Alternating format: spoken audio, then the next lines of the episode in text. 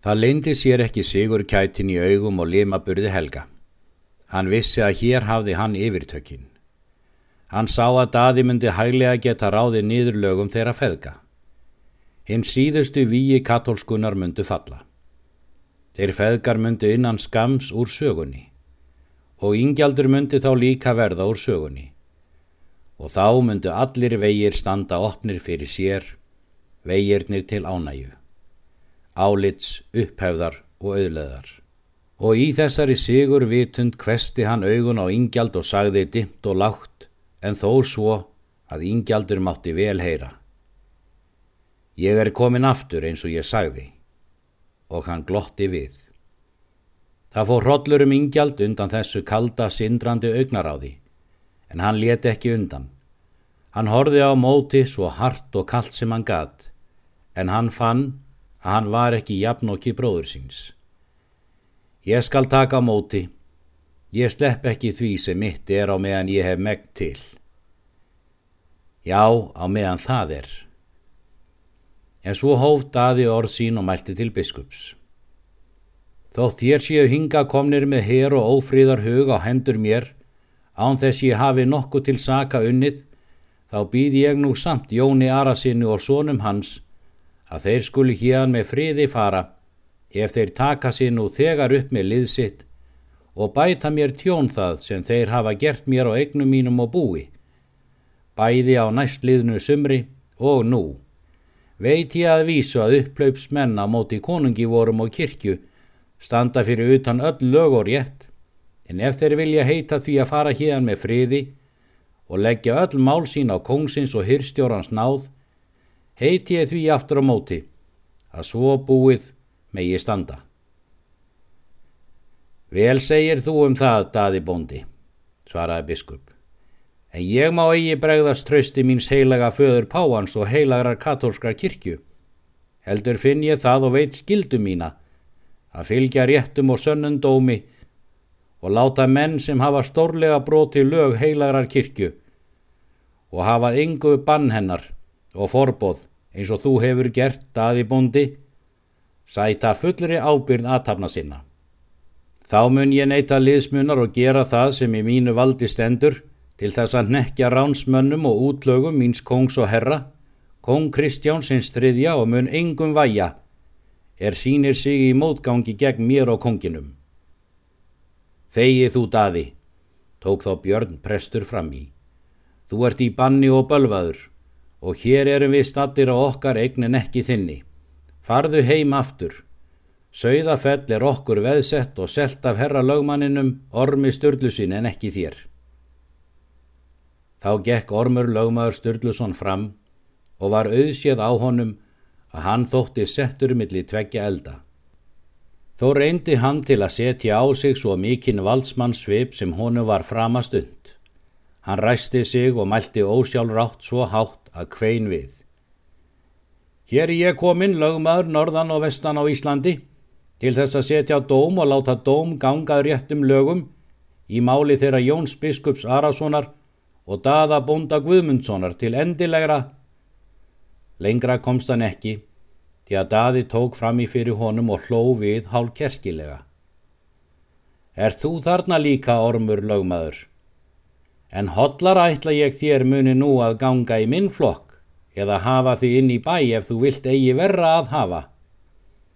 En úr því að þú ert hér, þá spyr ég þig í heyranda hljóði, hvort þú hefur fremur veðsett og selt jörðin að sögðafell mér eða Jóni biskupi Arasin og sónum hans. Þér herra, þér og engum öðrum, svara ormur heldur lagren fyrr dróg sig síðan með hægð undan og fórin í bæ. Hér máttu nú heyra líi þín og yfir gang, Björn Prestur, saði daði harneskjulega. Enda skal nú engu væja. Hafið vopnin fyrir ykkur piltar og sækja að þeim inn í gardin. Biskup og hans menn hörfuðu nær kirkjunni. En í sömu svifunum lifti síra gísli Fimboðsson bissu heima við kirkjuhornið og mæltum leið. Það er einsætt að skjóta á helvítið og miðaði á daða. En blísið kvekti ekki nógu fljótt í púðrinu svo að réttum leið og skoti reið af sló Ari hendi sinni undir bissulhaupið. Skotið tók fjöðurina af hatti daða en að öðru sakaði hann ekki. Því mátti ég ekki skjóta mannfjandan, sagði síra gísli, hlifti brúnum og leitt hálf gremjulega til Ara. Það hefði þó eitthvað snúi við blaðinu fyrir okkur, vona ég. Getur verið, svaraði Ari stillilega, en nóar verða sakirnar á hendur okkur, þó að þessi bætist ekki við. Svo gengu þeir biskup og sínir hans og nokkri menn aðrir inn í kirkjuna og lokuði hennað innan. Ari kallaði á yngjald og bað hann veri í kirkjunni með þeim og hlíti hann því, þó að heldur vildan vera úti. Hófs nú skotrýð all mikil úti í kirkjugarðinum og vildi norðanliði verða þar nokkuð löst fyrir, þar sem það var bæði fátt og fóringja löst.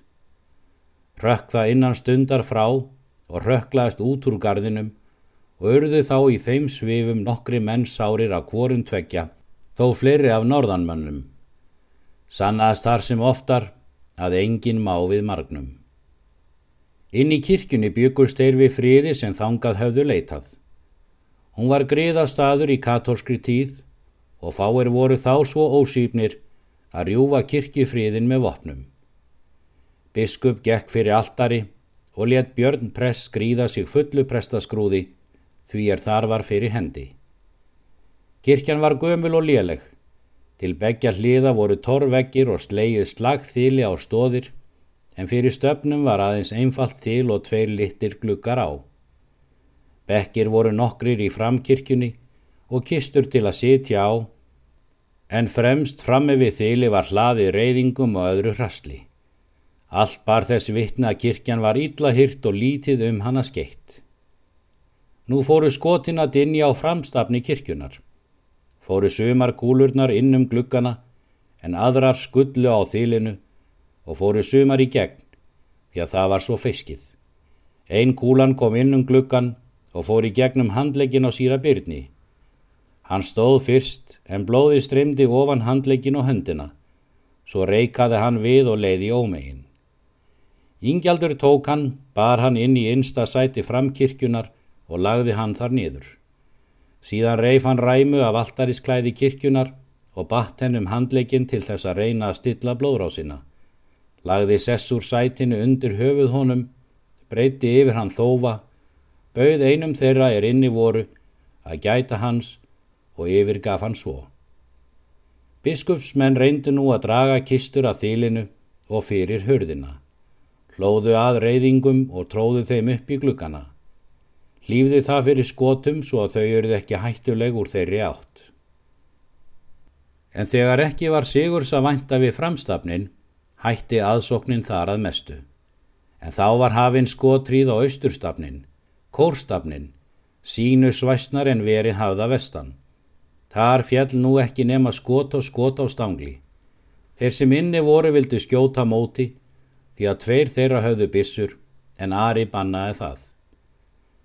Egi munu þeir oss of góðir þótt við ertum þá ekki að óþörfu, því að nú er þegar séð hvað verða vill, eða er ekki svo fadir. En Jón biskup var fallin á knjefi alltarið og baðst fyrir. Hann svaraði engu orði. Allt í einu hætti skotriðin úti. Rétt og eftir gall kvell og hárödd við úti. Öksu og járkall. Það er hægur vanda sprengja kórstafinn frá. Það var helgi er svo skipaði fyrir.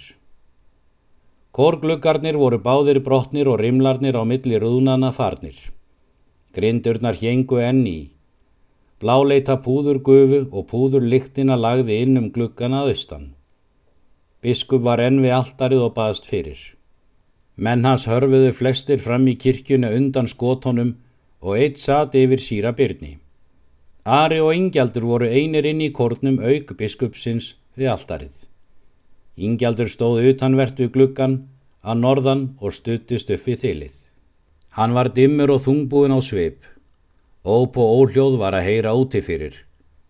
Þung högg fór að dinja á þilinu svo að það hristist og brak og brestir heyrðust í stafninum. Hér á engu að væja, gorki guðin í mönnum mælti Ari, myndi eiga réttar að gefast upp. Best væri að forðast frekar í mannvík og sárafar en orðið er. Nauðugur vil ég gefast upp fyrir en enga vörnir framar hægt að veita, svaraði Ingjaldur. Má vel vera, en ég sé enga vörn, þegar heilagur í kirkju er ekki vægt, svaraði Ari döflega. Rétt í þessu var ein fjöl sprengt úr þýlinu neðan við gluggan. Gluggagrindin raug út úr þýlinu og breið rifa varð opinn út úr stafninum niður úr. Biskup stóð upp frá bæninni og leið til rifunar. Þessu mönnum er ekkert heilagt, sagði hann og færði sig að suður horni altarisins. Um leið heyrðist kallað úti fyrir. Upp með tréð, nú er vegurinn opinn. Það var helgi. Svo var rekatrés enda skotið inn í rifuna og síðan gengið á tréð til hliðar. Næsta fjölinn millir rifunar og altarisins sprakk frá. Maður kom að rifunu og tók í fjöluna því hún lafði enn á nöglum og reyndi að brjóta hana frá. Það var steinólfur. Ingjaldur stökk upp á bekkin og spyrindi við honum fæti svo að hann rökklaðist frá og sagðum leið. Þetta er handa þér drottin svikarinn. Steinólfur rökk frá og dætt við. Helgi stóð úti á kirkjugarðinum og hjælt á bissu sinni. Ingjaldur stóð ber fyrir á bekknum og blasti við rifinu að nokkru. Hann hafði sverði í hendi og gerði sig líklegan til að verja hverjumann í leið er leita kynni ingöngu um glöfuna. Gættu þín, þú gerir þið beran fyrir skotum þeirra sem úti eru, sagði Ari. Það hefur enga þýðingu að leggja lífsitt í hættu hérdan af. Ég skipa þér að koma. En ingjaldur kvorki sán í heyrði. Hann mundaði sverðið, steinolfur og tveir menn aðrir komu með annað tríð starra og ætlaði að setja það í gættina. Ingjaldur kvesti augun út til Helga bróður síns, sveiplaði síðan sverðinu og ætlaði að greiða steinólfi höggið þegar hann væri komin í höggfæri. En í sama byli vatt Helgi sér út af kirkjugarðinum, hrifsaði blís af einum skotmannana, lagði bissuna til hæfis á kirkjugarðin, kveikti í og skaut. Tvö, þrjú, Fleiri skot skullu á kórgablinum og eftir, en skot Helga kom í gættina. Ingjaldur fjall þegar inn úr gættinni og inn á kórgólfið, en sverði hraut úr hendi honum út um gættina og rökklaðast um leið eftir höggfallinu. Kom það í hönd steinólfi og tók af honum tvo fingur við tréð, svo fjall sverðið niður. Steinólfur slefti þegar trénu, hörfaði frá og bar sig ítla því að fingurnir löfðu aðeins við og blætti mjög.